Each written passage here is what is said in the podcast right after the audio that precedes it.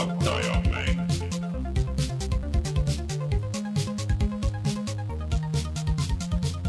tere tulemast, on reede, seitsmes mai aastal kaks tuhat kakskümmend üks ja on aeg puhata ja mängida. mina olen Rainer Peterson, minuga täna üle Discordi siin äh, Rein Soobel no tere! ja Martin Mets tere! ja üle pika aja külaline, kuna käes on maikuu ja juba teist aastat järjest on meil maikuu Eesti mängude kuu eh, ja täna tuleb või on üle interneti siis eh, meil külas Remo Torn. tere! Remo on osa eh, siis, mis see oli siis, teil oli väga hea nimi selle jaoks, kuidas, kuidas te kutsute oma mängu, mis selle žanr on? Mängu žanr on siis äh, avatud maailmaga eksperimenteerimismäng. nojah, ühesõnaga avatud maailmaga mäng, kus sa segad erinevaid võlujooke kokku, võlu, võlujoogi simulaator, ühesõnaga Hiis, millest meil on nüüd video meie Youtube'i kanalis juba ennetavalt, Martin ja Rein vaatasid seda ja Remo siis räägib täna meile pikemalt-laiemalt, et kuidas selle mängu tegemine käis Äh, aga äh, enne kui me Remoga siis juttu teeme, siis äh, teeme kõik selle kohustusliku osa siia algusesse, ehk siis äh, meid leiab äh, SoundCloudi Spotify'st, igalt poolt üle interneti, pange puhata ja mängida ja siis saate meid tellida ja kuulata, iga tellimuse eest oleme väga tänulikud, iga like'i eest ka ja meid saab toetada Patreonis patreon.com, kaldkriips puhata ja mangida ma tahaks lihtsalt lisada, et patut-pat Patreon. jah, just, Reinul on õigus. Ja eraldi tahaks Patreonis muidugi tänada suurtoetajad, ehk siis Taavi, jutlustaja X, Feilis, Jaak, Kein Känn, Dev0 ja otse loomulikult kõiki teisi, kes meid on seal aastate jooksul toetanud ja kui te tahate, et me loeks teie nime siin ette, siis, siis tulge muidugi ja, ja toetage ja siis kõikide aktiivsete Patreoni toetajate nimed lähevad ka mänguvideotesse kirja ja jagame ära ka tasuta mänge, ehk siis just läks üles uus nimekiri, selle kuu nimekiri ja seal on veel vanu mänge ka ilge ports, nii et tulge vaadake, kõik toetajad saavad lihtsalt osaleda selles jagamises, et panete kirja, et mis mängu te tahate ja siis ma saadan teile koodi ja niimoodi käibki, mitte midagi muud tegema ei pea. Nii et patreon.com, kaldkriips puhata ja mangida on kõik need asjad siis meie Youtube'i kanal äh, enne siis Hiisi videot äh, läks Monster Hunterist, Monster Hunter Rise'ist video, muideks Rein, see tuleb järgmine aasta ka PC-le, nii et äh, ma samuti olin väga üllatunud, kui ma lugesin seda meie Youtube'i kommentaaridest. just, et ma pidin meil guugelda vist polnud kummalgi õrna aimugi sellest. just, et mul, minust oli see täiesti mööda läinud, aga aga see läheb nagu natuke aega, et see on jah, järgmine kevad planeeritud siis PC peale Okei. et äh, uus mäng tehakse põhimõtteliselt. No põhimõtteliselt ma arvan küll, et äh, see on nii Switch'ile optimeeritud, et, et, et sellest nagu PC versiooni teha, mulle tundub, et no tuleb tõesti kõik üle käia. aga see on äh, hea, sest et äh, mida rohkem inimesi seda saavad mängida, seda parem, sest et tegemist on tõesti hea mänguga. ja siis on Hiisi mäng, või Hiisi video. Ma ei tea, on teil kommentaariks siia öelda veel midagi või, või räägime niikuinii Remoga varsti? kuidas käänata sõna hiis, kas äh, me tegime video hiisist, hiiest? Ma usun, et see on hiisist, see on selles mõttes siiski päris eestikeelne sõna, et aga ma päris täpselt ei tea, kuidas selle käändamine käib. He's here heat. võib ka nii olla. ma No- ei oska öelda, ma olen vastuse võlgu siin. Teie ma olete mängisin, autorid ma, mängisin Heat. teie olete autorid, te peate lihtsalt lukku panema, et lihtsalt hakkama ütlema, et nii, kuidas õige on ja, ja siis äh, niimoodi, niimoodi peab olema aga ühesõnaga jah, siis kui te tahate näha, mis äh, mänguga on tegemist, siis meie Youtube'i kanalit Youtube.com, kaldkriips puhata ja mangida, leiate selle ja seal on eraldi playlist ka veel kõikidele Eesti mängudele, nii et äh, minge vaadake seda. vot, aga äh, mis meil siis lisaks Hiisile veel täna juttu tuleb? Äh, no täna me räägime sellest, et äh, uus, uue Resident Evil'i äh, arvustused on vähemalt äh, väljas, nii et me juba natuke võime aimata, mis mänguga tegu on. Nintendo Builder Garage kuulutati välja, mul pole õrna aimugi, mis see on. Discord põgenes Microsofti rüpest hoopis Sony juurde.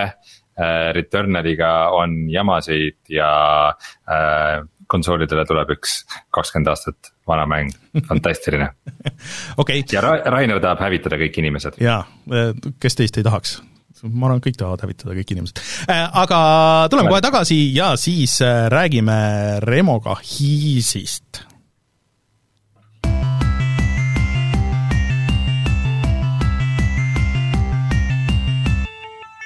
uudised kõll on eksitav, ärge, ärge kõlli kuulake ma, ma avastasin, et mul ei ole head, head sound'i siia, aga, aga see, see peab äh, sobima. nii et äh, Remo äh,, alustame siis algusest, et äh, räägi nagu natuke mm, kuidas see mäng alguse sai üleüldse? põhimõtteliselt siis äh, meil oli vaja teha õpilasfirmaks, me otsustasime teha õpilasfirma ja otsustasime selleks teha videomängu, sest et see oli hea võimalus äh, teha mingi suurem projekt, millel on siis nii-öelda kindel tähtaeg, seega meil ei ole nagu võimalust seda maha jätta, et me peamegi, peamegi olema motiveeritud selle lõpuni tegema. ja kuna me ise olime huvitatud videomängudest ja nendega tegemisest ning äh, mõndadel meist oli ka natuke varasem kogemust, siis me otsustasime, et me teeme videomängu aga tavaliselt õpilasfirmad. vabandust, mul pole õrna aimugi, mis asi üldse õpilasfirma on, alustame äkki sellest õpilasfirmas põhimõtteliselt äh, üheteistkümnendas klassis äh, sa saad valida, kas teed uurimistöö või õpilasfirma, õpilasfirma on siis äh, see nii-öelda minifirma, mis ei ole päris firma, aga siiski sa teed seal nagu majapidam-, mitte majapidamist, aga raamatupidamist Mini... ja kõik see, kõik see tuleb nagu dokumenteerida ja hiljem siis nii-öelda kaitsmisel esitada mm. -hmm aga tavaliselt teevad ju õpilasfirmad äh, värvilisi loomakujulisi helkureid või pajakindaid või mingeid selliseid asju, et. et minu teada varem ei ole ühtegi mängu tehtud äh, sellise õpilasfirma raames. ja kas see nagu ei ole üldsegi liiga suur projekt, selles mõttes ma mäletan, et kui Rein seda mängu esimest korda treilerit nägi, siis ta ütles, et tundub täitsa pädev selles mõttes hea, et äh, tavaliselt ei tehta videomänge, aga kuna meil oli nagu mõndadel varasem kogemus olemas sellel alal, siis me tundsime, et see aeg, mis meile on antud, et sellega me jõuame teha midagi, millega me saaks ise rahul olla. aga mitmekesi te kokku seda üldse tegite? kokku oli meil tiimis viis inimest. aga mis see, mis see aeg oli siis, et mille peale te mõtlesite, et noh, selle ajaga saame tehtud küll uh,? Selles mõttes me teadsime, et me peame midagi tegema umbes aasta aega või natuke rohkem, aga kokku läks meil arenduse peale umbes kuus kuud mm.. Mm -hmm. et see, kas see eesmärk oli kohe, et sellega kuskile noh, mitte et valmis teha, vaid see on Steamis müügil, igaüks saab seda osta, maksab kümme eurot. et äh, kohe nii, nii pika plaaniga. jah, et idee oli ikka teha päris mäng, mis oleks piisavalt hea, et saakski kuskil seda siis müüa ja me saaks ise sellega ka rahul olla sa mainisid, et äh, osadel teist oli juba varasem kogemus olemas. Äh, põhimõtteliselt kõik viis tiimiliiget olid üksteist klassi õpilased, saan ma õigesti aru? Äh, ei olnud kõik üheteistkümnenda klassi, üks oli, üks on praegu üheksandas klassis okei okay, veel parem, mind väga huvitab, kuidas siis juba üksteist ja üheksanda klassi õpilastel on mängu tegemise kogemus olemas, kust te selle saite? põhimõtteliselt kogemus oligi siis minul programmeerijana ja Germotornil, kes on siis mu vend ja temal oli siis 3D modelleerimises ja maailmadisainis. et äh, me põhimõtteliselt olemegi ise nagu sellest väga huvitatud selle mängude tegemise aspektist ja me hakkasime juba nii-öelda nooremana ise eksperimenteerima ja tegema asju ja siis me olemegi teinud ka äh, koos selliseid väiksemaid projekte või game jam'e ja, ja lihtsalt äh, nii-öelda lõbu pärast projekte ja siis see oligi nagu hea võimalus, et kutsuda veel inimesi, kellel võib-olla ei ole kogemust, aga mingid vajalikud oskused on siiski olemas ja teha midagi natuke suuremat. aga kuidas te siis alustasite, et ähm, mis te oma mootoriks valisite ja, ja miks, miks selle just nii tehnilise äh, külje pealt? meie mängumootoriks on äh, Unreal Engine neli, põhiliselt sellepärast, et äh, sellega on mul kõige rohkem kogemust, see oli mugav kasutada ja see ei olnudki väga muud põhjust selle valiku põhjal. Mm.. kas te seda ei kartnud Unreali puhul, et äh, peale esimese miljoni teenimist peate hakkama te Unrealile protsenti maksma? me olime sellest täiesti teadlikud. Äh, aga... aga see on hea küsimus, hea koht tegelikult küsida, et äh, kui hästi tegelikult teil Steamis on läinud, et ega ju te sellist massiivset reklaamikampaaniat ei ole teinud jah, tõesti, et äh, meil ei ole nagu väga suur see reklaamikampaania olnud, me siiski oleme teinud asju. meil ongi praegu vist tuhat wishlist'i ja müüke on ka üle saja. et äh, selles mõttes me oleme siiski, me ei ole nagu kahjumis, me oleme siiski kasumis, kuid kindlasti me ei ole teeninud nagu selle töö eest äh, väärivat tasu, et selles mõttes nagu töötundidesse kui arvestada, siis see ei ole nagu ära tasunud selles mõttes. ja mängu hind on üheksa, üheksakümmend üheksa infoks tiimis, et, et umbes sada koopiat müüdud on siis ju tuhat eurot muidugi maksud ja Steam võtab enda osa ka sealt mm. aga kui te selle ideega nagu välja tulite koolis äh, ja selle ilmselt pidite presenteerima õpetajatele seda ja, ja siis niimoodi, et et kuidas see vastu võeti, et kas, kas sellest oli enne ka räägitud, et, et see on üldse nagu mingi äh, realistlik karjäär, äh, teha mänge või, või olid kõik nagu pigem imestunud ja ütlesid, me ei tea sellest midagi, et tehke, kui, kui tahate? no õpetajad pigem ei olnud mingit, õpetajatel pigem ei olnud sellel alal mingit kogemust ja nad ei osanud nagu midagi väga arvata sellisest projektist, nad küll alguses nagu rääkisid, et me võiks ikka hoopis teha midagi õpetlikku või midagi, et ongi nagu, et harivat või midagi, aga me tundsime, et selles mõttes sellel on veel väiksem nii-öelda turg on õpetlikel mängudel kui meelelahutuslikel mängudel aga kui me nüüd äh, vaatame seda, seda mänguarendust, et äh, kuus kuud, kui palju nüüd erineb see, mis te alguses mõtlesite, et, et, et te teete sellest, mis lõpuks äh, valmis sai?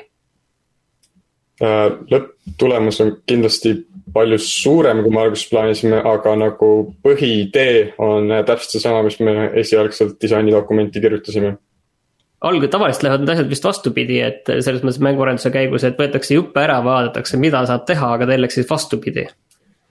no meil oli alguses plaan teha hästi väikselt, et ongi mingi viiskümmend korda viiskümmend meetrit maailm.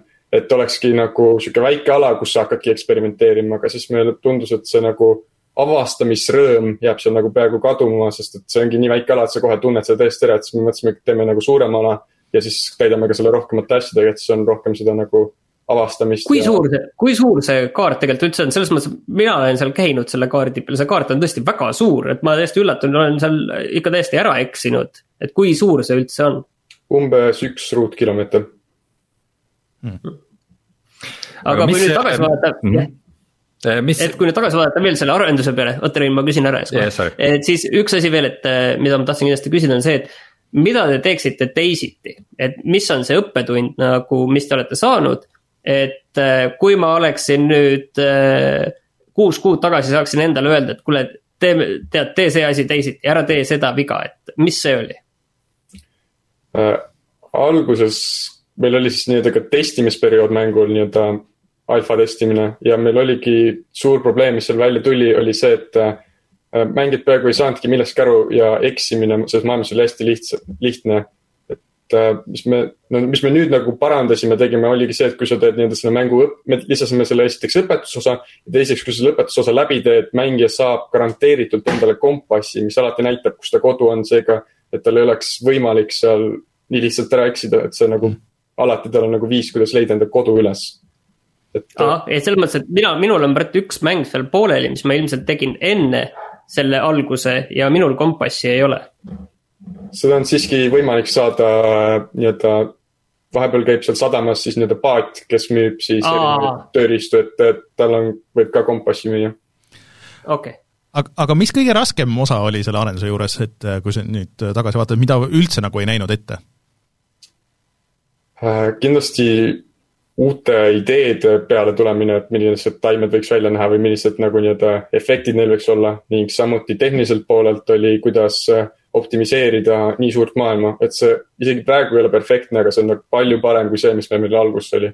Hmm ja kuidas, kuidas te siis äh, nagu välja tulite sellest, et äh, lihtsalt tuimalt proovisite nii kaua, kuni tuleb või, või oli teil mingi muu sihuke tore inspiratsiooni võtsite nagu juppe, võtsite juppe maha lihtsalt nii kaua, kuni hakkas, hakkas jooksma maailmas selle optimiseerimisega oligi see, et äh, tuli lugeda internetist erinevaid dokumentatsioone ja asju, kuidas nagu üldse teised suuremad maailmad seda teevad, et ongi siis nii-öelda need äh, kvaliteediastmed kõikidele objektidele ja kõike siis nii-öelda piirata, et mitte miski ei peaks nagu kuskil kaugel ennast äh, nagu nähtav olema, vaid ongi ainult näiteks sinu ümbruses väikses raadiuses on ainult varjud, mitte terve nagu mets ei pea olema kogu aeg äh, varjudega. et see varjud olidki põhiline asi, mis nagu väga palju nii-öelda processing power'it võttis. Mm aga need viis inimest, kes teil tiimis olid, et äh, kuidas teil ülesanded nagu selle omavahel jaotusid ja, ja kuidas meeskonnatöö sujus meil oligi jaotatud siis igale ühele põhimõtteliselt nagu enda ülesanded meil on nii, et kõik tegid kõike, mina siis tegelesin programmeerimisega. Germo Torn tegeles äh, modelleerimisega. William Erik Kilkson tegeles maailmadisainiga, Robin Ressar tegeles kasutajaliidesega ja Erik Rajamäe tegeles muusikaga. kuid üks asi, mida me kõik koos tegime, oli siis nii-öelda mängu üldine disain ja nende nagu ideede peale tulemine et äh, vahepeal meil oli ja seal äh, mõned nagu selles mõttes lahkarvamused disainide pooles, aga siis me hakkasimegi hääletusi tegema, et äh, ja mõtlema välja nagu, kuidas, mis oleks nagu parim mm. kas demokraatia on, on lähenemine, mida sa soovitad mänguarendusele? kui on selline väike tiim, siis võib-olla jaa, aga kui on nagu suurem, mingi mitmesaja inimeseni või siis ma kahtlen, et see töötaks aga mm, kui nüüd vaatavad ja kuulavad mõned teised noored, kes on näiteks ähm, noh, kas koolis või, või kohe pärast kooli või tahaks nagu kuskilt või, või isegi vanemad, et äh, kes näevad, et on võimalik täitsa teha mäng viiekesti ja see Steam'i müüki saada ja, ja tahaks ise seda proovida, et et mida sa soovitad, mis need esimesed sammud võiks olla? kuidas mina alustasin, oli lihtsalt hakkasingi Youtube'i tutorial'ite järgi tegema. lihtsalt alguses ma ei saanud mitte midagi aru, kuni ma lõpuks hakkasin hästi aru saama ja siis ma suutsin juba hakata iseseisvalt asju tegema ongi, on vaja lihtsalt nagu distsipliini ja pidevust, et sa suudad selle asja kätte võtta ja sellega tegeleda, mitte et sa teedki, sest alguses on kindlasti raske, alguses, alguses on muidugi see ka, et kõik tahavad alguses teha hästi suurt projekti, mis nagu ei ole lihtsalt võimalik mm. -hmm. et on raske alguses sihtida väikselt ja proovida midagigi tööle saada mm. -hmm aga kas see Hiis on nüüd äh, lõpetatud projekt ja sellel on joon all? Sest ma olen näinud tegelikult, et selle Hiisile on äh, mitu uuendust tulnud, alates sellest, kui ta nüüd veebruaris välja tuli. või, või teete te seda veel edasi või mis sellest nüüd edasi saab? Uh, jah, meil on isegi praegu üks uuendus arenduses, mis uh, lisab siis nii-öelda uusi feature eid, mitte ainult nagu sisulisa. et aga ma seda veel päris täpselt ei tahaks öelda, mis seal kõik on, aga meil on teos mm.. et, et plaanid on suured. ühesõnaga arendus, jah, arendus läheb edasi, ma saan aru siis. arendus käib edasi, jah. kas on plaanis ka mõnda teist platvormi sihtida peale arvuti? hetkel plaani ei ole, sest tavaliselt on raskem saada nii-öelda mäng konsoolidele, eriti kui ongi selline väiksem indie, et see on kindlasti väga suur ressursside kulu ja see ei pruugi üldse ära tasuda, et ma arvan, et praegu me jääme ainult arvutitele Rein muidugi ütleks siin, et eh, see on ju ideaalne mäng, mida VR-is mängida, kus sa saad eh, mängida nende pudelite ja asjadega ja siis sul silmade eest ja kogeda neid efekte ja kogeda neid efekte, on ju. siis on ka Rein rohkem nagu päris. see idee on meil laual olemas, aga praegu me pole, see on nii-öelda meil tagaplaanil, et me peame veel mõtlema seda läbi, aga see on meil laual olemas küll. võtke Reinuga otse ühendust, Rein annab teile head nõu selle koha pealt ja need äh, jah, kui kellelgi niisama läheb VR-ist natuke süda pahaks, siis, siis need äh, mõned efektid. Äh, no aga see ongi õige ju.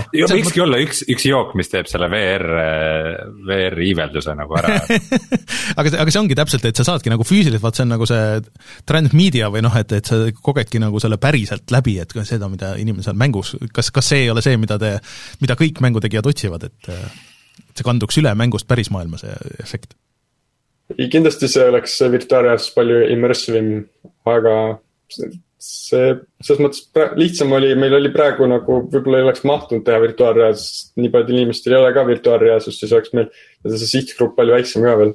Hmm.. väga õige. aga, aga enne ma, jah Rein, küsi. mulle, mulle tundub, et me oleme natuke liiga vähe rääkinud mängu sisust, et me oleme nii palju rääkinud sellest, mis tunne on nagu mängu teha ja nii edasi.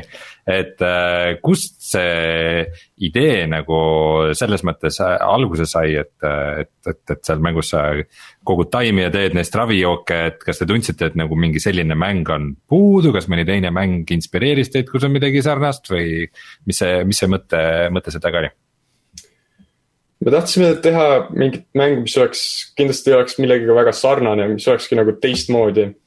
ja siis äh, oligi idee nagu, tuli lihtsalt alkeemia ja üks inspireeriv mäng, mis meil oli, on Soome mäng Noita mm.. ja mis nagu meil inspireeris, seal ongi, see on ka samuti alkeemia osa ning samuti see, et sa saad neid äh, maagiasausi segada nagu neid efekte seal kokku panna täpselt nii, kuidas sa tahad ja see alati töötab. Ja me katsusime teha sedasama äh, nagu süsteemi, et sa saad ka siin potti segada ükskõik mis komponente ja ikka tuleb mingi võlujook, mis siiski töötab, kuigi see ei pruugi olla nii nagu kasulik, aga see töötab ja sa saadki seda kasutada siis peaaegu kõige peal kas see oli üks suur Exceli tabel, kus oli kõik need äh, asjad kombineeritud? kõik nagu kui asju kokku panna, neid kõik ei tee nagu uusi asju, vaid ongi siis see, et näiteks äh, kui on äh, näiteks lendamisvõlujook ja kiirusvõlujook, siis paned need kokku, siis sa lendadki lihtsalt kiiremini, et need mõlemad efektid tulevad äh, nagu, lähevad peale sulle, mitte et kõik ei ole nagu segavad kokku, siis tuleb midagi täiesti uut no see, et te juba Noita omale inspiratsiooniks võtsite, on muidugi äärmiselt ambitsioonikas. Noitas ju tegelikult, see alkeemiasüsteem Noitas on sihuke nagu veidralt peidetud saladus, et selles mängus lisaks kõigele muule on mingi väga keeruline ja toimiv alkeemia ka veel mida keegi ei tea. et äh, väga ambitsioonikas. aga äh, mis teie järgmine projekt on? no praegu me tegelemegi Hiisiga edasi, ei ole veel hetkel kuskile kaugemale vaadanud sellest. aga mis maitse nagu suhu jäi, et kui kui te nüüd pool aastat töötasite ühe mängu kallal, panite selle Steam'i ülesse. Äh, kas nüüd on tunne nagu, et võiks minna maailma vallutama või, või et noh, et nüüd on see mänguarendus ära proovitud ja mis seal ikka, et äh, mis emotsioonid nagu praegu valitsevad tiimis? Enda koha pealt ma võin öelda, et kindlasti on selles mõttes uhke tunne, et äh, midagi sai Steam'i üles, et väga paljud nii-öelda mänguarendajad ei jõua sinnamaani üldse, kes on nagu ise alustanud, et nad hakkavadki tegema midagi, aga siis jääb kas pooleli või ei jaksa enam. et selles mõttes on see väga hea kogemus olnud ja samuti see nii palju nii-öelda uusi teadmisi saab ka, mida järgmistel projektidel rakendada. et asju, mida siis võib-olla on raske ette näha, kui ei ole seda varem ise läbi teinud. et kindlasti hea kogemus oli aga mis sa arvad, et pärast seda kogemust nagu selles mõttes, et äh, kas sa plaanid minna edasi õppima kuidagi mängudega otsapidi seotud asja või, või see jääb sulle nagu pigem hobiks? ei, plaaniks ikka edasi sellega tegeleda ja kui hästi läheb, siis saadagi täiskohaga töö sellel alal hmm. ma arvan, et see on äh, siin tegelikult meil selline ajalooline intervjuu, et mida me võime kümne aasta pärast äh, kuulata, et vaadata, et kuskohast Remo alustas ja kuhu ta siis jõudnud on ja kahekümne ja kolmekümne aga meil on, eelmine aasta oli meil äh, rubriik, kus iga meie Eesti mängude kuu külaline mm, soovitas meie kuulajatele kolme mängu, mis neile endale meeldivad ja mis on ägedad. et me palusime ka sul kolm mängu äh, välja mõelda, et äh, palun.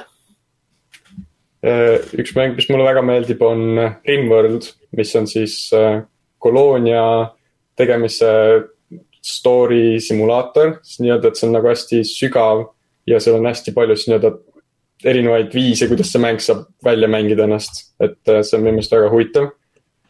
Äh, teine mäng, mis mulle väga meeldib, on Hollow Knight. minu meelest väga hästi tehtud Metroidvania, väga, mingites faasides on kindlasti raske, aga see on täiesti väärt seda läbi mängida see raskus on äh, vist mind ja Rainerit siiani sealt eemal hoidnud. ei, ma, ma olen Raineri... mänginud, aga mulle mingid muud asjad, mis mulle muidu Metroidvaniate puhul meeldivad, siis mulle seal nagu väga ei meeldinud see, kuidas see kaardi asi, osa lahendatud on ja mingid siuksed. Rimworldi, Rimworldi koha pealt ma taht-, ma olen kogu aeg nagu mõelnud seda proovida, aga siis ma olen mõelnud teistpidi, et see on täpselt nagu, see näeb hästi sarnane välja selle Prison Architectiga ja, ja siis ma olen mõelnud, et ma juba Visual Architecti mängin, et, et no siis teist sarnast ei, ei võta, aga ma ei tea, kas sa tead neid mõlemaid? ja tean, visuaalid on neil tõesti väga sarnased, aga no muidugi on see nii-öelda ehitussüsteem ka siis sarnane, aga nagu mäng ise on täiesti teine pilt, selles mõttes põhimõtteliselt sa saad mängida Rimworldis Prison Architecti, et see ongi, et sa teed koloonia ja kui sa tahad, sa võidki võtta vastast piraate vangi ja tehagi täieliku vangla seal et selles mõttes see ongi nii nagu avatud äh, kolooniasimulaator, kus saadki kõike teha. et äh, seal on igal näiteks jäsemel ja organil enda elud ja kui sa oled sihukeste tumedate moraalideks, sa saad ka vangide organeid korjata ja neid müüa või teha mingeid väga sõjakuritegusid või, või sa võid olla lihtsalt tavaline talunik seal ja proovida taltsutada tulnud loomi ja nende siis saadusi müüa. mulle hakkas juba see meeldima ja mis see kolmas mäng on? Ja kolmas mäng, nagu ennem mainisin ka, on Katana Zero, millel on siis väga hea soundtrack. kuulan seda peaaegu kogu aeg ja väga hea lugu ka. aga mis mäng see on, selles mõttes, et mina olen nagu ka pilte näinud, aga mis ta nagu üldse, ta on vist mingi platvormikas? ta on äh, siis nii-öelda küljelt vaates või nagu side-scroller, äh, kus sa mingil määral on ta platvormiks, kuigi seal ei ole nagu nii-öelda platvormi elemente väga, aga see on siiski nagu küljelt vaates, aga põhiliselt on see, et sa peadki kiirete refleksidega ja planeerimisega suutma hävitada väga palju vastaseid korraga, et sul ongi endal ainult mõõk ja sa lähed, kõik, kõik surevad ühest nii-öelda löögist, et sina sured ühest kuulist ja vastased surevad ühest möögalöögist ja sa peadki suutma neid kõikidest kuulidest siis eest ära põigelda või neid enda mõõgaga õigesti ajastades tagasi lüüa. ja selles mõttes see on kindlasti raske mäng alguses, aga kui sellele pihta saab, siis tunne on pärast väga hea, kui see läbi mängida ja see lugu on ka nagu väga kaasahaarav ma arvan, et kõige õigem võrdlus võib-olla oleks Hotline Miami. ja Hotline Miami'ga on see mm. väga sarnane, selles mõttes. ma pärast vaatan järgi, kes selle soundtrack'i tegi, mulle tundub, et seda võis teha Those One, aga, aga ei ole sada protsenti. mingi Ludovik oli äkki. Ludovik midagi, jah. aa, okei okay,, siis äkki ei olnud aga eh, Remo, ma kasutaksin sind ära nagu selles suhtes, et eh, väga harva mm, meil on keskkooliõpilased siin külaliseks, et et lihtsalt nagu valgusta meile kui vanainimestele eh, natuke seda tänapäevast mängumaailma, et kuidas nagu mängudesse üldiselt suhe, suhtutakse koolis ja niimoodi, et kui sinu ähm, kaasõpilased ja, ja niimoodi, et et mida nagu mängitakse ja kas kõik mängivad tänapäeval? kindlasti kõik ei mängi, aga suur osa mängib, näiteks praegu koduõppe ajal ongi, et peaaegu iga päev peale tunde Discordis saame kokku ja mängime mingeid multiplayer mänge koos. Mm.. et mis kas Fortnite'i praegu näiteks äh, mängime Counter Strike'i uuesti, et äh, see on hakanud paljudele meeldima. vahepeal mängisime Among Us'i, vahepeal Minecrafti, et see kõik nagu sõltub, kuidas hetkel tuju on mm kas kaugõppe ajal on või koduõppe ajal on mõned õpetajad ka üritanud kuidagi integreerida mingisuguseid mänguteemasid kuidagi tundidesse või, või see on, tundub liiga keeruline? Ei ole keegi integreerinud mänge enda tunniteemadesse. Mm.. ja õpetajatega mängimas ka ei käi Counter Strike'i. Keegi vähemalt ei ole soovinud liituda meiega. Selge. Aga Remo, tee endale natuke siis äh, reklaami lõpuks, et äh, ütle, et kus saab kursis olla kõikide Hiisi asjadega, äh, kui kellelgi tekkis huvi ja tahaks kas minna ostma mängu kohe või, või siis jälgida, et kuidas teil edaspidi läheb ja mis uuendused tulevad meil on siis äh, Discordi server, kus me postime kõiki uuendusi ning äh, samuti on ka Hiisil subreddit, kus on siis, äh, postime ka regulaarselt nii-öelda uusi videoid ja asju, millega me tegeleme. ja kui neid üles ei leia, siis võib ka Steamis lihtsalt follow ida või wishlist'i add ida, et siis näeb ka kõiki neid uuendusi ja soodustusi, kui tuleb ja saab olla kursis ja kusjuures. aga face, face, Facebook on out jah, Facebook ei ole enam noorte seas teema jah, Facebookiga me, meil oli lihtsam nii, et me keskendume, me keskendusimegi Twitterile, Redditile ja Discordile. kui igale poole keskendudes see nagu tähelepanu kaob ära ja see ongi parem selles mõttes keskenduda teatud äh, kanalitele, et siis on mm. kvaliteet võib-olla seal kõrgem õige, õige jutt äh,, aga kusjuures tahtsin lihtsalt mainida kuulajatele, et wish-list imine, isegi kui te kohe seda mängu ei osta, on äh, mänguarendajatele päris oluline, et et see kuidagi meeldib sellele Steam'i algoritmile ja siis ta soovitab seda mängu äh, rohkematele ja, ja kerkib paremini esile, nii et et isegi kui te vaatate, et te kohe ei soovi seda osta, siis äh, pange endale see wish-list'i, see ei võta tüki küljest, aga, aga annab mänguarendajatele palju juurde. täpselt vot, aga suured tänud, Remo, et loodetavasti see ei jää viimaseks korraks, kui me sinuga kohtume ja võib-olla siis eh, tulevikus ka ülejäänud tiimiga ja, ja ärge siis jätke projekti sinnapaika või mängude tegemist ja kindlasti andke meile teada, kui tuleb kas või suurem uuendus või, või, või hakategi uut projekti tegema või mis iganes ja, ja me kindlasti võtame selle teemaks. selge, aitäh! aitäh! kohe lähme, aga. Lähme kohe edasi, me oleme nii inspireeritud nüüd tänapäeva noortest. mul on, mul on hea meel näha, et äh, noortel Eesti mänguarendajatel on nii hea mängumaitse mm. -hmm. see tuletab mulle meelde seda, kui, äh, kui ikkagi vaatasid, kuidas omal ajal äh, mõnedel metallitüüpidel nii halb maitse tõsi, et oli ainult loetud käputäis, kellel oli hea maitse, aga lingid siis kõikidele nendele asjadele leiab meie ilmselt siis saate kommentaaridest ja, ja siis seal video kommentaarides ka, et ma ei tea, kas seal Redditi need oli, aga kui ei olnud, siis, siis me lisame, et siis no, on kõige lihtsam nii. vot, aga kas ma vajutan nuppu lähme... ja lähme uudistega? Davai. jah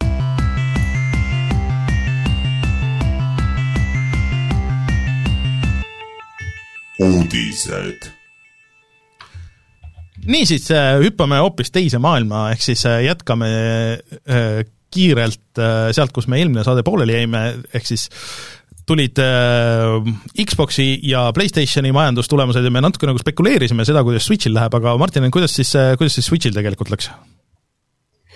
Um, Switchil on, Switch on kokku müünud kaheksakümmend neli miljonit konsooli, et selles mõttes seda me nagu teadsime, et Switch'il läheb väga hästi mm. -hmm. et need eh, pidevad numbrid olid ju kõrgemal, ka praegu müüakse Switch'i rohkem üle maailma oluliselt kui uut Playstationit või siis Xbox'i ja, ja, ja numbrid on kõrged, selles mõttes, et sada miljonit, mis on selline väga märgiline number, see ilmselt täitub juba, juba sel aastal. et äh, Wii, mis oli megalt populaarne, müüs üldse nagu sada üks miljonit kokku nagu terve oma eluaja jooksul, mis oli oluliselt pikem kui see paneb väga hästi, see paneb väga hästi asja konteksti praegu. jep, äh, ja äh, noh, selles suhtes, et ja tegelikult ka Playstation Wii või neli sai vist sada miljonit täis, on ju, aga aga, aga jah, see on ikkagi selles mõttes väga-väga hea näitaja. PlayStation neli sai tegelikult sada miljonit täis juba ammu, praegu on juba sada kuusteist miljonit kohe mm. PlayStation neljal.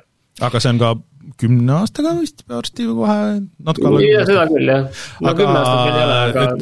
Äh, PlayStation neli tuli välja kaks tuhat kolmteist ja Nintendo Switch kaks tuhat seitseteist. ja enim müünud äh, konsool praeguse seisuga on PlayStation kaks saja viiekümne viie miljoniga. ossa raks, aga sealt äh, siis seoses vist sellesama uudisega tuli välja või kuulutas Nintendo siis välja nii-öelda uue mängu, mille nimi on Game Builder Garage. Äh, ja Rein ütles, et ta ei tea sellest äh, midagi, et ma soovitan vaadata seda treilerit, ehk siis et äh, Nintendo toob selle mängu tegemise siis sealt Mario Makerist välja ja see on niisugune, ongi nagu visuaalse programmeerimise nagu mäng, et kus sa ühendad kaste, ühendad noode ja saad ise oma mänge teha, et et põhimõtteliselt nagu Nintendo versioon Dreamsist, mis kõlab hullult hästi, sest et kuigi Dreams oli megavõimas, sellega sai teha igasuguseid ägedaid asju, siis selle õppimine oli megalt keeruline, juba kogu see nagu noh, kui sa tahtsid mingit mänguloogikat ja neid asju teha, vähemalt selle video põhjal äh, mulle tundub küll, et äh, noh, Nintendo oskab ühte asja väga hästi ja see on äh, nagu selgitada ja õpetada mängumehaanikaid äh, ja teha need isegi nagu keerulised mehaanikad äh, lihtsalt arusaadavaks, et äh, niisuguse algajale mängutegijale, mis läheb meie selle äh, tänase saatega ja, ja üldse selle mängu tegemise teemaga läheb kokku, ma arvan, et see võib äh, väga tuus asi olla.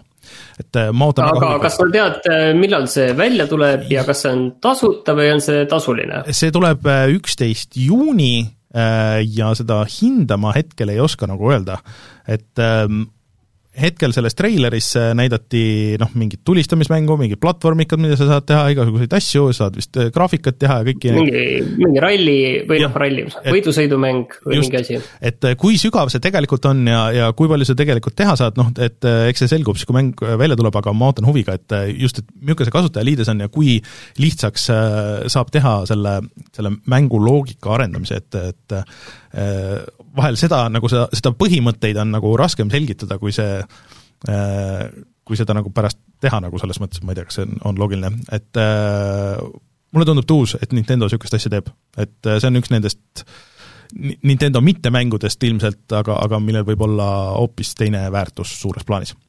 Et äh.... hoopis teine väärtus on nüüd ka Discordil pärast seda, kui sai teatavaks, et nad hakkavad koostööd tegema Sonyga, et praegu kohe veel hing ei tasu kinni hoida, sest ma saan aru, et tegelikult see realiseerub alles järgmisel aastal ja kuidas mm -hmm. täpselt, eh, see ei ole ka teada, igal juhul. Discord eh, integreeritakse mingil kujul PlayStation viite, kas te saite aru, kuidas see hakkab toimuma? No mitte, mitte päris, aga, aga ma loodan, et või noh, no tähendab, mitte mina, aga internetis inimesed, kes kasutavad palju neid PlayStationi äh, online asju, noh, et noh, et kambaga nagu näiteks mängida ja niimoodi, siis räägivad, et need on kohutavad nagu selles mõttes, et äh, et kui see grupi chati ja gruppide tegemise ja, ja mängude leidmise teeks lihtsamaks, siis äh, ilmselt see on äge.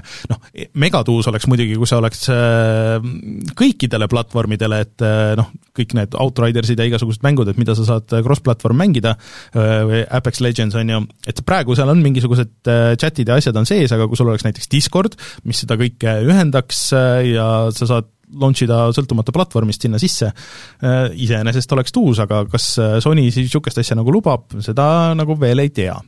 aga, aga noh, ma loodan, et see ei jää ainult, ainult PlayStationile, et see jõuab lõpuks ka teistele konsoolidele see oleks pigem nagu hea asi, eriti näiteks Nintendo puhul, kellel on ikka veel ju, kui sa voice chat'i tahad saada mängudest, siis sa pead mingi Nintendo äpi installima ja ma ei tea, mis dongleid kasutama ja ma ei tea, mis asju tegema, et, et, et chat ida saaks, et kui oleks Discord näiteks selle jaoks official, siis oleks nagu ägedam. aga huvitav jah, et kas, et kui palju see on nagu seotud selle Microsofti äh, pakkumisega ja selle, mis Discord nagu tagasi lükkas, et kas neile tõesti tundub, et küsida kõigilt nagu eraldi raha on tasuvam, kui müüa ennast näiteks Microsoftile ära, et no ma arvan, et see ikkagi, kui nad lähevad ikkagi börsile, siis selles mõttes see on hoopis teine tera kogu selle asja juures, kui sa oled ikkagi PlayStation viite integreeritud. Mm no aga ainult PlayStation viite nagu, selles mõttes, et mõtle, kui äge ta oleks, kui sa oled kõikides konsoolides olemas nagu selles mõttes. ja seal on ju vaata, aga ma ei olegi, ma ei ole kindel, et Sonyle see meeldib, kui Sonil siin on sõnaõigust.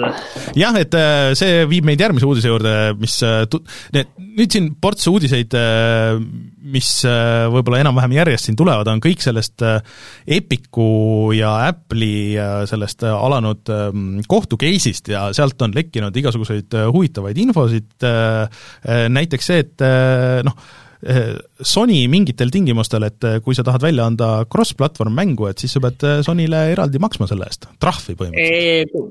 Cross-play'ga mängu siis. või noh, cross-play, jah, vabandust. selles mõttes, et kui, kui, kui see on mäng, milles nii konsooli kui arvutimängijad pea, saavad koos mängida, siis see ei ole lihtsalt niiviisi, et kõik platvormi valdajad siis ütlevad, et okei okay,, teeme nii, vaid vot raske on öelda, mis see teatud juhtudel muidugi tähendab, aga igal juhul nii on öelda, et teatud juhtudel Sony võib siis nõuda kompensatsiooni, valuraha, ma ei tea, kas see valuraha on õige sõna, ühesõnaga Sony tahab raha selle eest mingitel juhtudel, mis see täpselt tähendab, vot seda nagu ei tea, mis need täpsed juhud on. aga see selgitab siis ka seda, et miks nii mõnigi mäng, millel on võib-olla cross-platvorm, isegi mis ei ole Microsofti mäng, arvuti ja, ja Xboxiga või isegi nagu Xboxi ja Switchiga äh,, et miks see PlayStationi peal ole, ei ole, et, et asi ei ole mitte nagu mänguarendajas, aga asi on nagu Sonys endas asi, ei, ei, asi on mänguarendajas, kes no, ei taha raha kes ei maksta. taha raha maksta, jah, kui sul on näiteks mingi indie-mäng, no jah.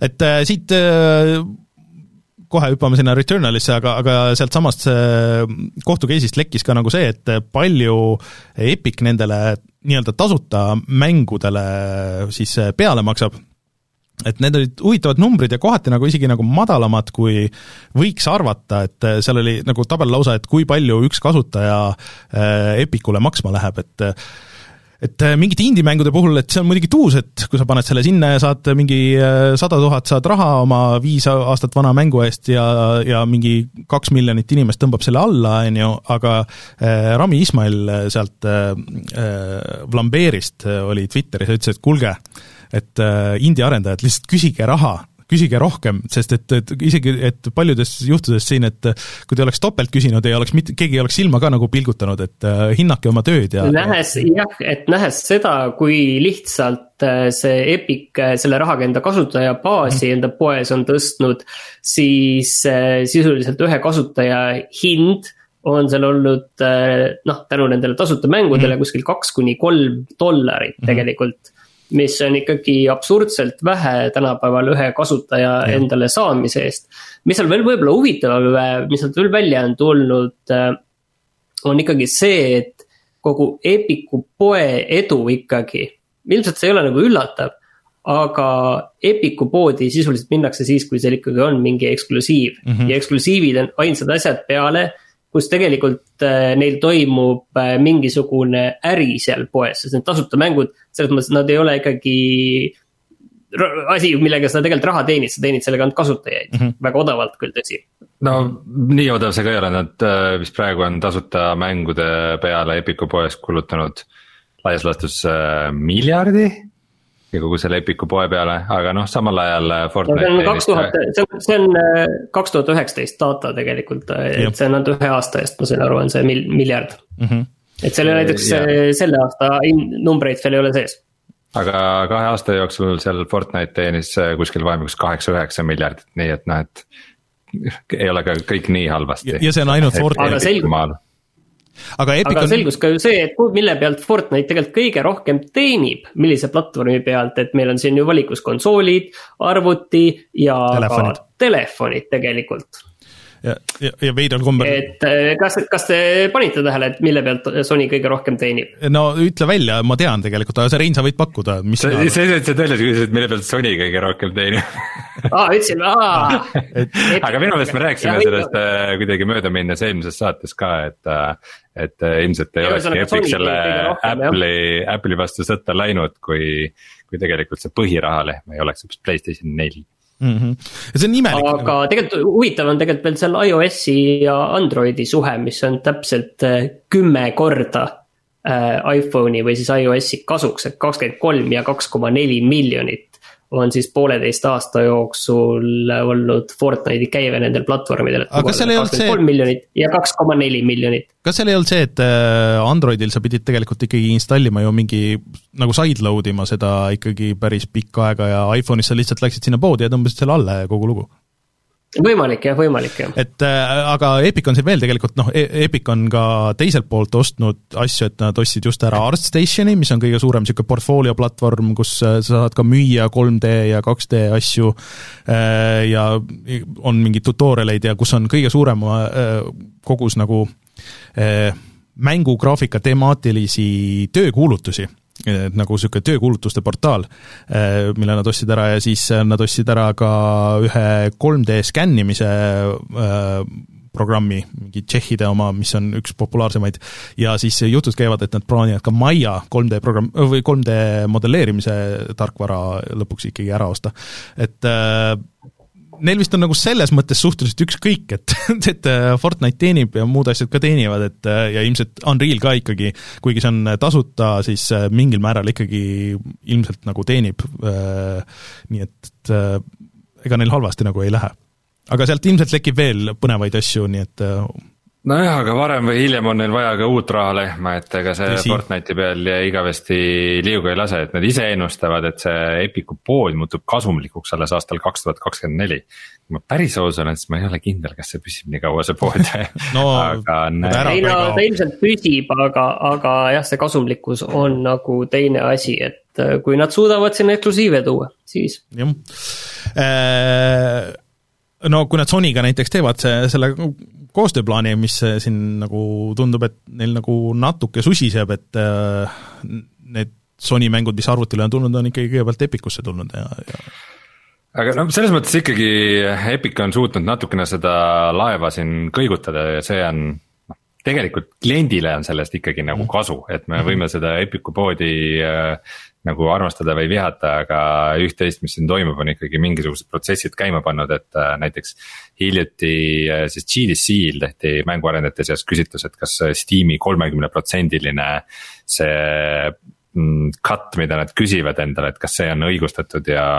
mulle umbes kümme protsenti arvas, et see on õigustatud, et ega mille peale, mille peale Steam kindlasti või siis Valve ütles, et oi ei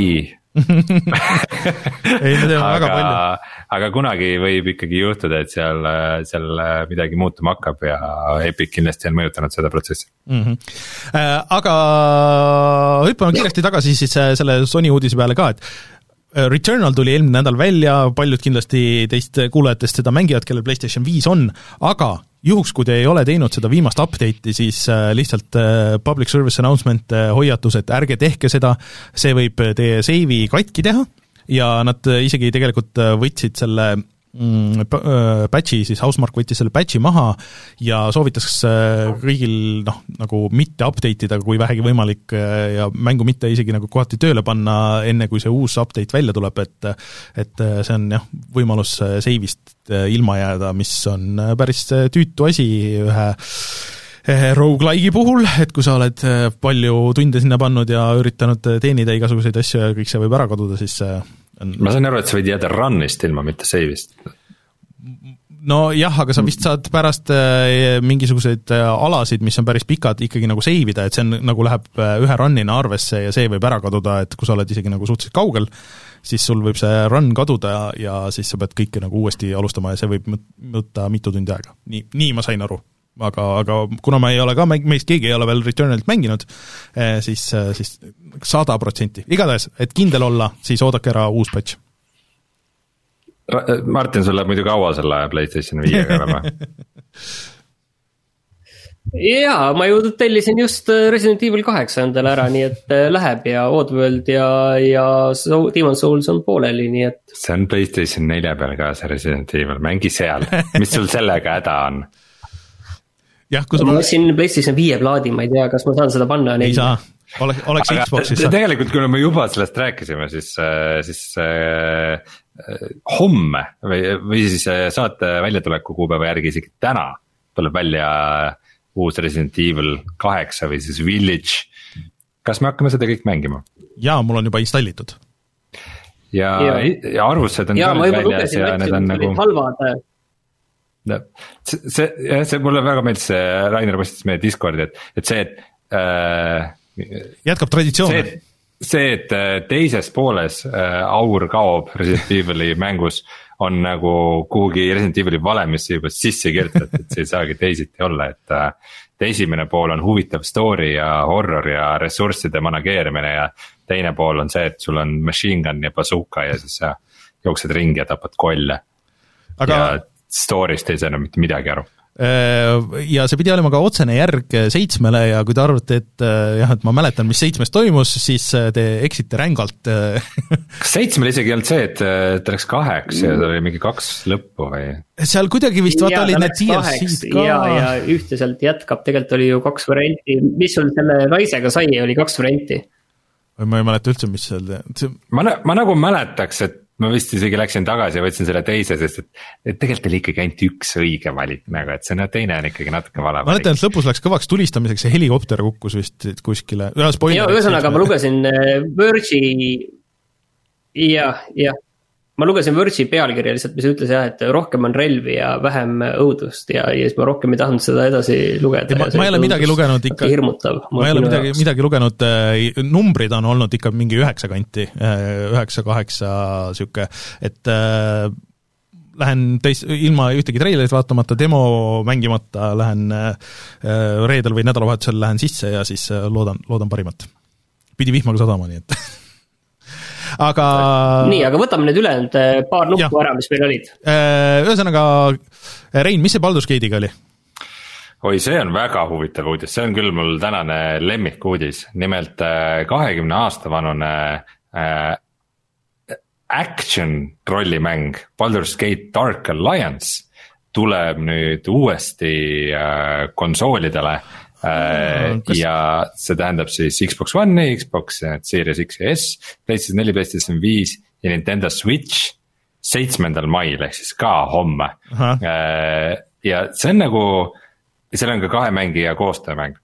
see on nagu hästi veider mäng, mida mina loomulikult mänginud ei ole, sest et, äh, sest et ähm, see oli konsooli eksklusiiv, on ju? Mm, ta oli konsooli eksklusiiv ja selles mõttes ka väga veider, et, et, et, et, et see oli siis põhimõtteliselt nagu mõtteline jätk või nagu spin-off Baldur's Gate'i mängudele.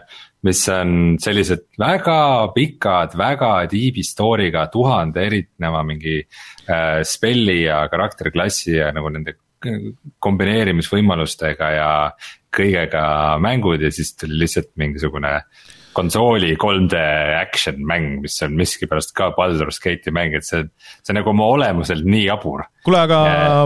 mul praegu meenub seda, et mul endine töökaaslane ostis isegi Xbox'i selle jaoks, originaal Xbox'i nagu selle jaoks ja neli pulti ja tal käisid sõbrad regulaarselt mängimas seda, nii et ma, ma mäletan ainult positiivseid sõnu selle kohta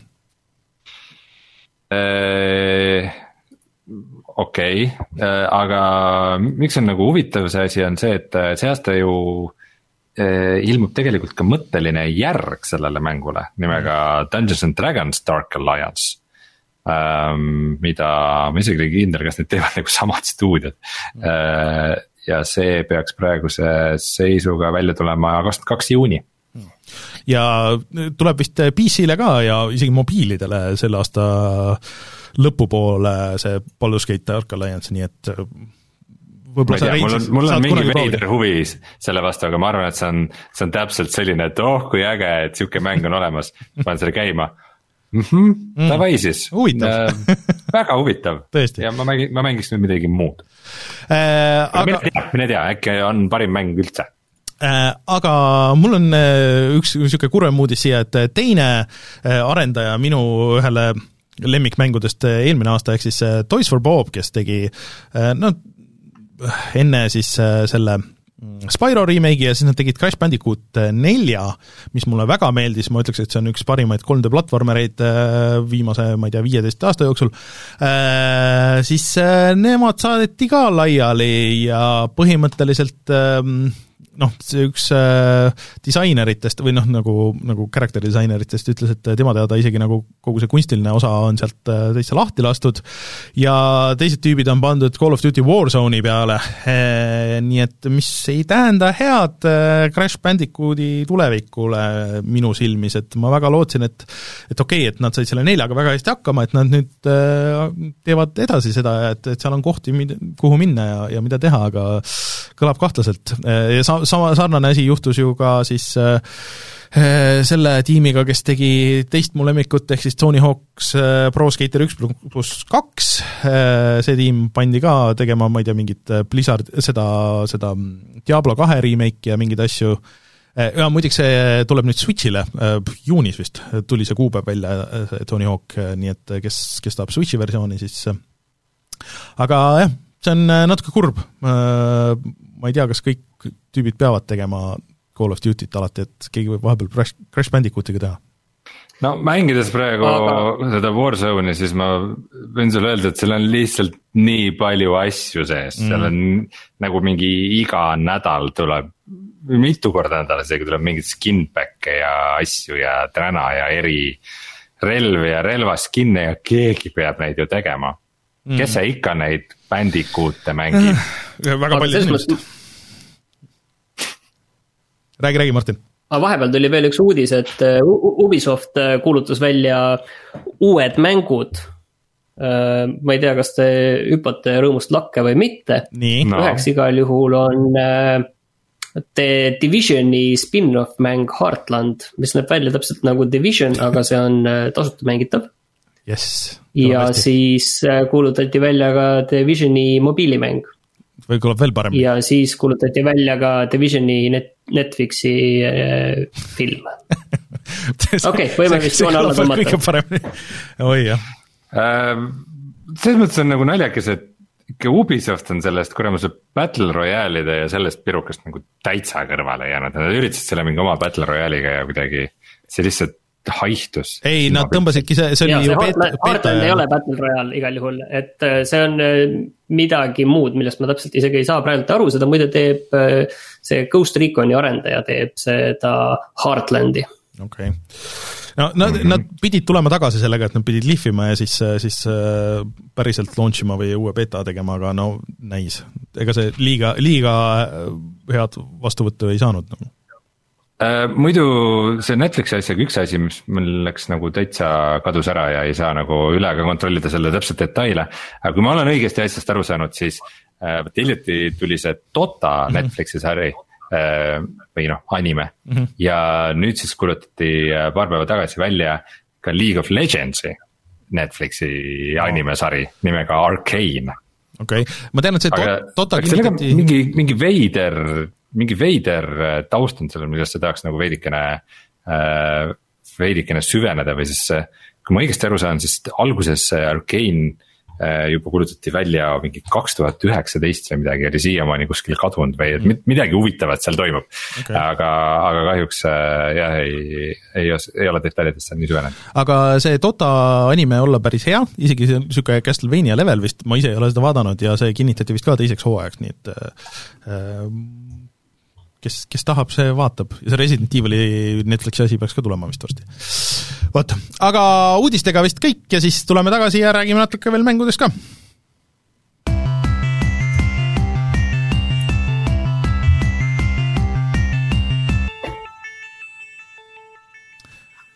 Uh, ma räägin selle suurema asja siia ära ja siis, siis, siis ma lasen teil rääkida, et äh, Apex Legendsist mind tuli... üllatab, või tähendab, tahan, tahan kuulda, kumb see suurem asi on. tegelikult Apex on see suurem, et sellel äh, algas ka uus hooaeg äh, ja mis muudab siis seda baasmängu nagu päris palju ja ma jõudsin veitsa nagu proovida ka, kuigi täpselt samamoodi nagu siis, kui Rein, sul tuli see Warzone'i uus hooaeg, siis äh, no esimene päev nagu ikka küll väga ei saanud sinna sisse mängu, sest et äh, küll oli serverid maas ja siis ei saanud siit sisse mängu ja, ja kõik need asjad, on ju. aga äh, nüüd päev hiljem või midagi, siis juba ei olnud äh,, ei olnud probleemi ja äh, sain nagu ära ka proovida. ühesõnaga, äh, põhiasi, noh, selles Battle Royale'is või noh, muutused on nagu väiksed, et need kaardid veits muutusid ja üks kaart vist toodi tagasi ja mõned uued relvad, et umbes mingi vibu ja uus tegelane ja kõik nagu need, see on äh, vist niisugune oodatav progressioon tänapäeval niisugusest äh, Battle Royale'ist, aga põnevam osa oli siis äh, täiesti uus mängulaad, mis jääb püsivalt sinna juurde. Ja selle nimi on Arena, ma üritan panna siia mingi video ka selle kohta, mida ma natuke nagu Martinile reklaamisin siin eelmine nädal, et mis minu jaoks nagu äh, meenutas seda äh, CS GO-d, äh, ehk siis ähm, see on kolm versus kolm, äh, raske on kirjutada ja otsida see ja üritada rääkida samal ajal, nii. Kolm versus kolm ja ma ütlen vahele, okei okay. ja siis tiim alustab mingisuguse noh, või kõik alustavad väikse rahasummaga ja siis sul on äh, alguses on pood äh, ja siis sa valid, et mis relvi sa ostad ja, ja mida sa upgrade'id ja mis, mis äh, lisasid sa võtad äh,. Ja siis äh, äh visatakse need mõlemad tiimid äh, siis kolm versus kolm sinna areeni peale, mis on suhteliselt väike kaart ja aga mille peal on ikkagi nagu see sõõr, mis tõmbab kokku nagu kogu aeg, et sa pead nagu kogu aeg nagu seda jälgima ja see käib päris kiiresti. Äh, ja nagu edasi juba nagu arvata võib, siis äh, võidab see tiim, kes siis lõpuks nagu ellu jääb. aga et sul on seal veel mingisuguseid strateegilisi asju, et esiteks need areenid on nagu hästi vertikaalsed ja hästi paljude igasuguste käikude ja mingite asjadega, et kuidas sa võid nagu läheneda, et kas sa jaguned kolmeks või lähed tiimina peale või lähed alt või lähed ülevalt, on ju, ja e, siis sa saad koguda ressursse, mis aitavad kogu su tiimi, ehk siis sul on tiimil nagu niisugune ühine rahakott põhimõtteliselt, et kui keegi viitsib käia nagu korjata raha igalt poolt, siis te saate nagu rohkem asju osta ja loodetavasti on mingisugune eelis. ja kui sa kellegi tapad ära, siis sa saad e, tema relvad endale, et e, muidu nagu üldiselt relvade leidmist ei ole, välja arvatud paar nagu üksikut kasti ja siis üks nii-öelda care package, mis sinna selle raundi jooksul maandub ja sealt sa võib-olla saad mingisuguseid asju, või see tegelikult isegi tähendab, et enne raundi algamist sa näed, et mis asjad seal care package'is on, on ju, et mida sa ostad või ei osta, siis sa riskid sellega, et sa ei pruugi nagu kätte saada, et see on noh, võib-olla teine tiim jõuab nagu enne sinna. Äh, ja ma jõudsin seda veitsa nagu mängida, isegi äh, võitsime paar korda ja see on äh, väga lõbus, et ma üllatusin, kui palju lusti see mulle pakkus, et see on väga kiire, et need raundid kestavad, ma ei tea, mingi mõni minut võib-olla nagu kokku selles suhtes, võib-olla kui äh, noh, keegi suudab ennast kuskil varjata ja kohe ei saa surma, et siis võib-olla natuke nagu kauem, et äh, ma isegi hetkel nagu näen seda, et ma võib-olla mängin seda veits aega rohkem küll kui seda Battle Royale'i, et, et mulle täitsa, täitsa tundus äge. Äh, ma üldiselt nagu niisuguse, et see ei ole nagu päris deathmatch ka, et, et seal ikkagi natuke see, seda strateegiat ja see, et see sõõr nagu need seal kokku tõmbab ja kõik nagu need asjad, et äh, et äh, on päris äh, äge muutus. ja see on minu meelest päris hea hetk praegu, et kui, kui keegi kuulab ja, ja mõtleb, et kas on Apexi reelt maha kukkunud või, või et tahaks alustada, siis praegu vist on päris, päris hea aeg nagu sinna sisse tulla, et et kõik on alles tutvuvad selle uue mängulaadiga ja, ja nii edasi ja et see on vist päris hea võimalus kiirelt nagu karaktereid ka õppida. Nii et ma julgen täitsa soovitada, Apex on ju tasuta igal pool ka, et, et maksma ei pea midagi, et proovida võib põhimõtteliselt iga platvormi peal. ma ei kujuta ette, kuidas see nüüd Switchi peal, Switchi peal võib-olla isegi jooksevad see areenid, väiksed, jooksevad paremini kui see, see täismäng, aga aga jah, et ma olen positiivselt üllatunud, ikka veel mängin iga õhtu veits ja, ja mul on Apexiga lõbus. see uus karakter ainult ei, ei tundu nagu väga tuus, ja kaardid võib-olla oleks võinud nagu veel rohkem muutuda, aga, aga midagi nagu halvasti ka otseselt ei ole. vot, niisugused lood, Apex season üheksa. nii äh,, aga nii, ma annan sõna teile, Rein, mis sa tahad rääkida? mina, mina tahtsin öelda seda tegelikult vahele, et CS-GO-sse tuli ka see CS-GO kolmsada kuuskümmend ehk siis tellimis, tellimus Aha kus sa saad nagu seda detailsemat statistikat selle kohta, et kuidas sul äh, mäng läks kõigi heatmap idega ja. see on, see on hästi odavam praegu ju, aga ilmselt see mingi hetk tõuseb teil vist kaheksakümmend üheksa senti või midagi sellist kuus ainult. kuus, sa pead nagu kuu, kuutasuna tellima selle no kuutasuga tellimus jah. Mm., et sul on see teenus kogu aeg olemas.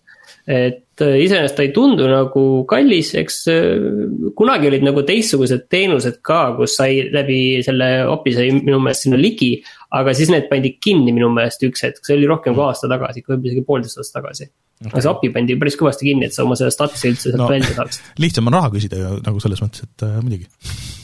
Muidugi, muidugi, aga ma ei tea, ma just võtan selle vähemalt proovin ja vaatan, aga noh, samas no, ma ei tea kui sa arvad, et see aitab sul tõusta kuskile ah, ei tea, ei tea, ei tea, aga tegelikult mina olen mänginud äh, seda Old World äh, Soulstormi edasi ja, ja pigem nagu positiivsel lainel ja ma ei taha nagu. isegi rohkem midagi sellist põhjapanevat selle kohta täna öelda. ja vaatame, äkki järgmiseks korraks on võib-olla läbi ka, et ta on ikka päris pikk ja, ja mm. aga noh, kannab siiani mm,. okei okay aga Rein, kas, kas sul on äh, seal ähm, Binding of Isaac on sulle hakanud rohkem meeldima? Binding of Isaac on mulle alati meeldinud, aga selle uus äh, lisapakk äh, Rebirth äh,, ma olen seda natukene üritanud mängida ja ei ole nagu, ei saa öelda, et ma oleks kuidagi eriliselt sellesse kiindunud või või, või, või väga nagu pihta saan, mis, miks kõik seda nagu armastavad, et seal on. seal okei okay,, seal on nagu mitmesuguseid mingeid uusi maailmu mis on nagu päris suur vaheldus, et, et levelite lõpus sa saad nagu valida, et, et kas sa lähed nagu otse alla või lähed hoopis mingit veidi teistsugust teed pidi. et äh, seal on niuksed natuke teistsugused bioomid, mingid solgitorud ja laavalevelid ja asjad ja seal on teistsuguseid kolle ja teistsuguseid upgrade'e, aga ma ei tea, ma ei ütleks, et see praegu minu jaoks on nagu kuidagi of Isaacu elamust kuidagi eriliselt nagu värskendanud või sellele mingit uut väärtust lisanud, et ähm,. jah mm., ma ilmselt mängin seda veel, aga aga või, võib-olla sa oled selle mängu ära mänginud, sa selle peale ei ole mõelnud või et, et sul nagu, sa oled ju mänginud ikkagi nagu mingi sadu tunde seda Isaacut kokku, et, et võib-olla sul lihtsalt ja. nagu on ammendanud ennast sinu jaoks? ei no ma vist olengi nagu mingis veidras limbos nagu kahe vahel, et ühest küljest, et äh, et äh, nii palju mängida, et niukest nagu väga uudise avastamist enam ei ole, aga liiga vähe, et olla selles mängus nagu jube hea või ikkagi. liiga hästi aru saada, et mis seal tegelikult toimub, et ähm, ma ei tea, eks, eks ma mängin natuke veel jälle ja proovin midagi arvata, aga ma olen piinlikult palju mänginud siis seda äh, Crash on the Run'i mobiilimängu. Ähm, mis teatud etapil nagu muutub selleks, et sa, sa pead koguma mingeid ressursse, siis panema neist valmima teised ressursid, ootama selle järel, et saada kolmandaid ressursse. Mm ja siis sa saad teha mingi järgmise leveli ja siis, äh, ja siis järgmine, kui sa selle järgmise leveli ära teed, sa avad mingeid uusi ressursse, mida siis sa pead nagu veel grind ima, et see. see grind imine tähendabki seda, et on mingid levelid, mida sa pead uuesti, uuesti tegema, et mingeid ressursse koguda mm -hmm. ja see ei ole nagu fun aga sa ikka mängid aga, aga ma pean tunnistama, et see on ikkagi noh, suhteliselt hästi tehtud mobiilimäng, et. et, et, et, et kui ma tahaks, ma võiks seda ikka nagu omajagu mängida ja mingi hetk ma olin nagu päris hasardis sellest, aga see oligi. ma nagu oli üks sihuke raskem ülesanne, et üks level oli, mille jaoks oli jube palju mingeid asju vaja. ja ma sain need kõik kokku ja tegin ära ja siis tegin selle leveli ära ja siis oli sihuke jess ja siis nagu tuleb järgmine level ja siis kõik, aga nüüd kolm korda veel rohkem ja siis, siis mul õnneks kadus natuke entusiasm ära, et ma, ma väga loodan, et ma väga palju enam aega ei raiska selle mängu peale, aga ütleme nii, et ma olen seda ikkagi mänginud märksa rohkem, kui ma oleks nagu arvanud. mul isegi vahepeal oli väike kiusatus osta selle Battle Pass, et äh, kui ma niikuinii grind in mõttetult seda mängu, et siis ma juba sama hästi. minuga, ma Apexi äh, selle ostsin. et kui ma niikuinii mõttetult grind in mingit igavat asja, et siis ma võiks juba veidikene rohkem nagu mingeid reward'e saada selle oma tegevuse eest või mingeid vahestoppe selle eest, et mingeid huvitavaid skin'e ja lisaressursse, aga ma siiski ei teinud seda. aga alati, kui ma, ma panin siia, meie, meie taustaks panin äh, see video nagu mängima sellest ja iga kord, kui ma näen videot sellest, siis see tundub nagu niisugune, et te, tema, ma tahan Crash Bandicoot nelja, et, et ei, et meil on juba Crash Bandicoot kodus ja siis see on see Crash Bandicoot kodus nagu, et niisugune, näeb välja nagu niisugune, niisugune bootleg koopia nagu veits, et mingi piraatversioon Crash Bandicoot neljast jah, ega mul väga midagi muud ei taha selle kohta öelda tegelikult lihtsalt häbi on natuke. ma, ma arvan, et äh, tegelikult äh, näeb äh,, ma vaatan seda meie videoülekannet ja ma arvan, et tegelikkuses võib ikkagi öelda, et ta näeb nagu parem välja, et vaata need mhm. tahvlite ja telefonide mm videosalvestused on yeah. siuksed suht kehvad ja low frame rate'iga. tegelikult minu telefonil näeb ta täitsa, täitsa kena välja aga ma siis lõpetuseks räägiks äh, natuke äh, Destroy All Humans'i remake'ist, et ähm, mis on niisugune see ei ole mingi väga värske teema vist. Või? no ta on mingi mõned kuud ta on juba mingi aasta vist ei, aasta ei ole kindlasti, ta tuli Aa, aasta alguses tuli välja. aasta alguses tuli aasta välja, et, et, et selles suhtes, et äh, pigem ikka kaks tuhat kakskümmend üks kraame. mul tegelikult on see originaalversioon olemas X, originaal Xboxile ja ma kunagi selle ostsin ja ma veits seda mängisin, aga ma mäletan, et seal oli tehniliselt oli ähm, noh, see oli, tuli selle Xbox'i lõpuaegadel ja, ja ta ei, nagu ei jooksnud väga hästi. et mulle see idee nagu meeldis, et sina mängid ühena äh, siis äh, maailma vallutada üritavatest äh, tulnukatest äh, ja sinu bossi häält teeb siis Invader Sim, Richard Horvitz, ja annab sulle käsklusi ja sina põhimõtteliselt lendad vahepeal ufoga ringi ja, ja hävitad linnasid ja kõik nagu see, nagu ideeliselt tundub hullult uus Äh, ja kui see remake nagu tuli, siis ta on mul wishlist'is olnud nagu tükk aega, nagu Nintendo ütles, et äh, neil on data, et kuidas kõik need äh, remake'id, et kõigile nagu ideeliselt meeldivad, aga siis need jäävad sinna wishlist idesse surema, et ootama mingisugust allahindlust või midagi ja, ja nii on mul ka olnud, aga see tuli nüüd Gamepassi. Ja ma siis äh, mõtlesin, et oh jess, et äh, ma ei peagi ostma, et ma saan seda mängida. ja siis ma nüüd mängisin äh, mingi paar tundi ja siis äh, mul on hea meel, et ma ei ostnud seda et äh, midagi on seal nagu off, et kõik see nagu mängitavus, see, mis ma kirjeldan, et see on nagu tundub äge ja see näeb nagu päris hea välja tegelikult, äh, see remake kõik, et et äh, sa oled üks nendest tulnukatest, on ju, et siis sa lähed äh, nagu erinevatesse linnadesse, mis on niisugused poolavatud maailmad. ja sul on äh, erinevaid võimeid, et sul on telekinees ja siis sa saad neid linnaelanikke saad üle võtta ja siis sa saad nagu nende nende kostüümides nii-öelda nagu ringi käia ja siis, kui sa loed teiste linnaelanike mõtteid, siis see annab sulle nagu nii-öelda power'it, et, et sul see kostüüm nagu kestaks ja siis sa saad äh, äh, noh, teada, mida, mida keegi üldse nagu mõtleb ja sa saad nende ajud välja võtta, kui sa tahad näiteks ja, ja mingisuguseid niisuguseid asju teha ja pead lehmi äh, äh, siis adoptima, mis oleks siis äh, no. röövima või, või mis, viima oma vii-. adopteerima.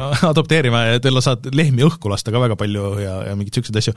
et see kõik nagu tundub, et see on niisugune äh, poolavatud maailm, niisugune sandbox ja need asjad, mis sa saad teha ja siis, aga siis tulevad mingisugused hiilimismissioonid, mille sa fail'id päris kiiresti, et okei okay,, see laeb nagu kiiresti ära uuesti, aga kuidagi nagu midagi selles mängitavuses on valesti ja see ei ole nagu eriti lõbus või ta on kuidagi nagu, mingi asi on sealt puudu ja mulle tundub, et selles nagu tempos või selles asjas, et et nagu lõpuks nagu mängisin ainult mingi poolteist või kaks tundi või midagi niisugust, ma lõpuks nagu pidin ennast sundima seda mängima, sest et seal nagu midagi ei klikkinud üldse ja mul on sellest hullult kahju.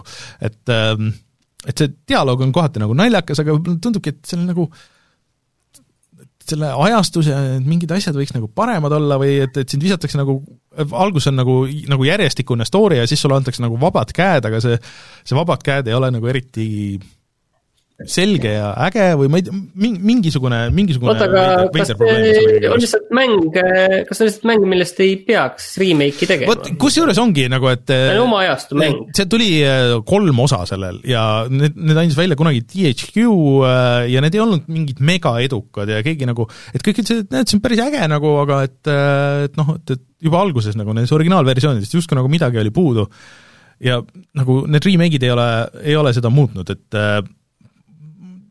ma ei tea ähm,, ma ei, ma ei paneks seda värskesse kulda kuidagi, ma ei julge seda nagu kellelegi eriti nagu soovida, noh, Gamepassis sa võid nagu proovida, aga, aga mulle tundub, et äh, tõesti, ma olen Martin sinuga natuke nõus, et äh, mõni mäng võib-olla võib jääda nagu selleks äh, oma aja asjaks, et võib-olla, võib-olla neil oli kuidagi väga lihtne millegipärast seda teha, seda remake'i ja jumal sellega, et noh, las nad siis teevad, aga aga, aga mõni asi võib jääda sellesse omasse aega ka vot, ja kusjuures ma mängisin kaks tundi, ma vaatasin, et ma olin, ma olin kätte saanud äh, nelikümmend protsenti achievement itest, nii et ma ei, ma ei tea, kui pikk see mäng siis lõppkokkuvõttes on või annavad nad hästi palju neid alguses, et kõigil oleks hea tunne, aga aga, aga aga niimoodi on jah, vot.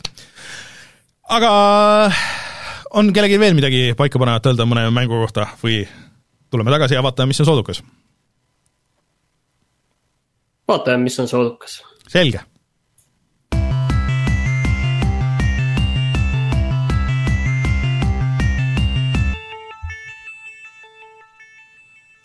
Ma isegi ei ole, ma dokumendist ei märganud seda mis täna soodukas on, nii et eh, mis, mis meil täna soodukas on? soodukas. mina pakkusin välja, et eh, Steamis on eh, ühe meie lemmik indie levitaja, ma ei tea, kas nende kohta enam võibki nii öelda, Devolveri suur soodusmüük ah., kus on Chris, Ape Out äh,, mm, Zero Sum neli kindlasti, Rainer sulle. ja, ja siis äh, väga palju mänge veel, kasvõi Genital Jousting. äh, või The Messenger, et siin on palju asju, mis on väga hea hinnaga seekord, Talos Principle näiteks. Äh ja ma panin meie Discordi lingi ka tegelikult, et üks huvitav asi on praegu tasuta, et EA, oota see Mass Effect'i remake tuleb välja varsti, kas juba vist oli mingi nädala või paari pärast. ja, ja äh, siis nad annavad kõik äh, need äh, deluxe digital asjad praegu tasuta, et kõik need koomiksid ja, ja mingid artbook'id ja kõik need niisugused asjad, mis sinna juurde kuulusid, annavad mõnda aega tasuta ära, nii et kellel on huvi niisuguse sügavama Mass Effect'i vastu, siis siis saate minna EA ja Mass Effect'i lehele sealt kuskilt ja siis selle alla tõmmata või tulge meie Discordi, sealt saate, saate lingi sellele. et võib-olla on kellelgi huvitav et ma ei ole kindel, kas äh, ma ei saa aru, kas meie hääled matavad üksteist või mitte, aga et, et see välja tuli, et see Katana Zero, mida meile siis täna mm -hmm. soovitati, on ka praegu allahindluses, selle saab kätte ainult seitse nelikümmend üheksaga. Hmm. samuti Carrion. Rein, kas sa vaatasid ka, mis on, mis on Rein, sa vaatasid ka, mis on Epicus näiteks see mäng, mille eest Epic saab sind kahe kuni kolme dollari eest enda kasutajaks meelitada? Jaa, selle mängu nimi on Pine ja järgmine nädal on The Lion's Song, ma pean tunnistama, et ma ei tea kumbagi mina ka mitte. mis ei tähenda, et nad on halvad mängud, lihtsalt ei tea neid uh see Tõsi. Lions Songi see pilt tundub hästi tuttav, et äkki see oli selles Epiku pakis, või mitte Epiku, see Itch.io pakis, kus oli mingi tuhat mängu või midagi niisugust, et et jah. Aga vot, niisugused asjad on odavad. Muideks siia saate lõppu ütleme nii, et seda, et meil on seoses Eesti mängude kuuga, mis äh, kestab edasi nüüd siin, kas meil on paigas, kes järgmine nädal tuleb äh, või mis meil üldse nagu tulemas on? jaa, äh, järgmise nädala külalise võime välja kuulutada, selleks on Jaanus Jaago ja ta tuleb rääkima oma mängust Plastronaut, mis mm. ei ole veel väljas, aga mille demo on Steamis juba täitsa olemas mm.. Ja sellel on mingi online mingi asi on ka itš.io-s vist mingi prototüüp nii-öelda mm,? ma ei oska öelda, kuidas Steam'i demo erineb itš.io prototüübist äh, see vist oli vanem, ühesõnaga äh, minge vaadake järgi, Plastronaut, kui te kirjutate otsingusse, siis, siis see tuleb, et ta Twitteris jagas ja siis ma käisin, vaatasin äh, ja sa pead tunnistama, Rainer, et see on, see on üks Eesti mäng, millel on päris okei okay nimi. tõesti, on, et see on, Eesti mängud panevad tihti sellega puus, ma pean ütlema, Hiis mulle ka meeldib. lihtne, konkreetne eestikeelne sõna, mis töötab ka inglise keeles mm,. aga aga Nii. kas Disco Elysium on siis hea pealkiri või ei ole? ei, ma, ma ikka ei ole väga nagu ei ole veendunud, ma täna mõtlesin selle peale, et äh, nende e-, eelmise nime Fury of the Furies'i peale mis ilmselt No truth with the Furies. no truth, aa, no truth with, tõsi, ma millegipärast mõtlesin, et see oli Fury of the Furies hmm.. Uh, no Truth with the Furies, no see nii hea nimi oligi. no kujutate seda ette, kuidas kõik nüüd räägivad, jaa, jaa, see kümme kümnest mäng, No Truth with the Furies. Disco Elysium on kindlasti parem, aga, aga jah. Ühesõnaga, see on meil järgmine nädal ja kui te tahate hääletada, paneme siis paika, et järgmine nädal on meil ka, meil on muidu siin see saate alguses Youtube'is iga neljapäeva õhtul siis alates kell kuus viiskümmend viis Äh, ka Rahva Kulla hääletamine, nii et äh, te saate tulla ja hääletada enda lemmik Eesti mängu poolt, et me paneme siia, teeme eraldi kategooria ja siis äh, saate valida meie kuulajate eraldi lemmik Eesti mäng.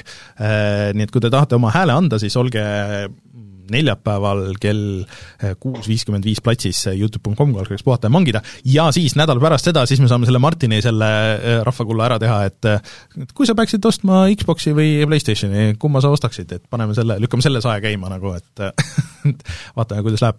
Eh, ja siis ma ütleks saate lõppu ka tänud veel meie, meie moderaatoritele, Omarile ja Martin Kauberile, kes hoiavad meie Youtube'i sellel versioonil kõiki neid pealkirju siin up to date ja, ja näete täpselt, kus mis hakkab, nii et kellele Youtube'ist meeldib vaadata, siis see teeb teie elu vast natuke lihtsamaks. Äh, vot niisugused housekeeping asjad. Äh, ja järgmine mänguvideo siis nagu ikka teisipäeval kell seitse veel ei ole paigas, et mis Eesti mängust me teeme, aga ühest Eesti mängust me kindlasti teeme vot, niisugused lood. Äh, võite meile kirjutada veel, pange kommentaariumitesse veel Eesti mänge, mida me võiks vaadata ja, ja kõiki neid asju ja, ja me kindlasti äh, võtame need arvamused arvesse. nii, aga siis äh, suured tänud Remole ja Hiis, kui teil on huvi Hiisi vastu, siis minge vaadake kõigepealt meie videot, siis ma unustasin küsida Remo käest, et kas ta videot vaatas ja mis ta arvas sellest videost kuidas, mis tunne oli vaadata? võib-olla oli parem, et me ei küsinud ja ja siis, äh, siis äh, leiate lingi Hiisi asjadele ka meie saate äh, siis sellest tekstist, kommentaariumist või siis selle video alt ja, ja saate ise sinna wishlist'i lisada ja kõiki neid asju teha. Ja mina olen Rainer, minuga Rein ja Martin ja meie oleme tagasi juba järgmisel reedel, tšau! tšau! tšau!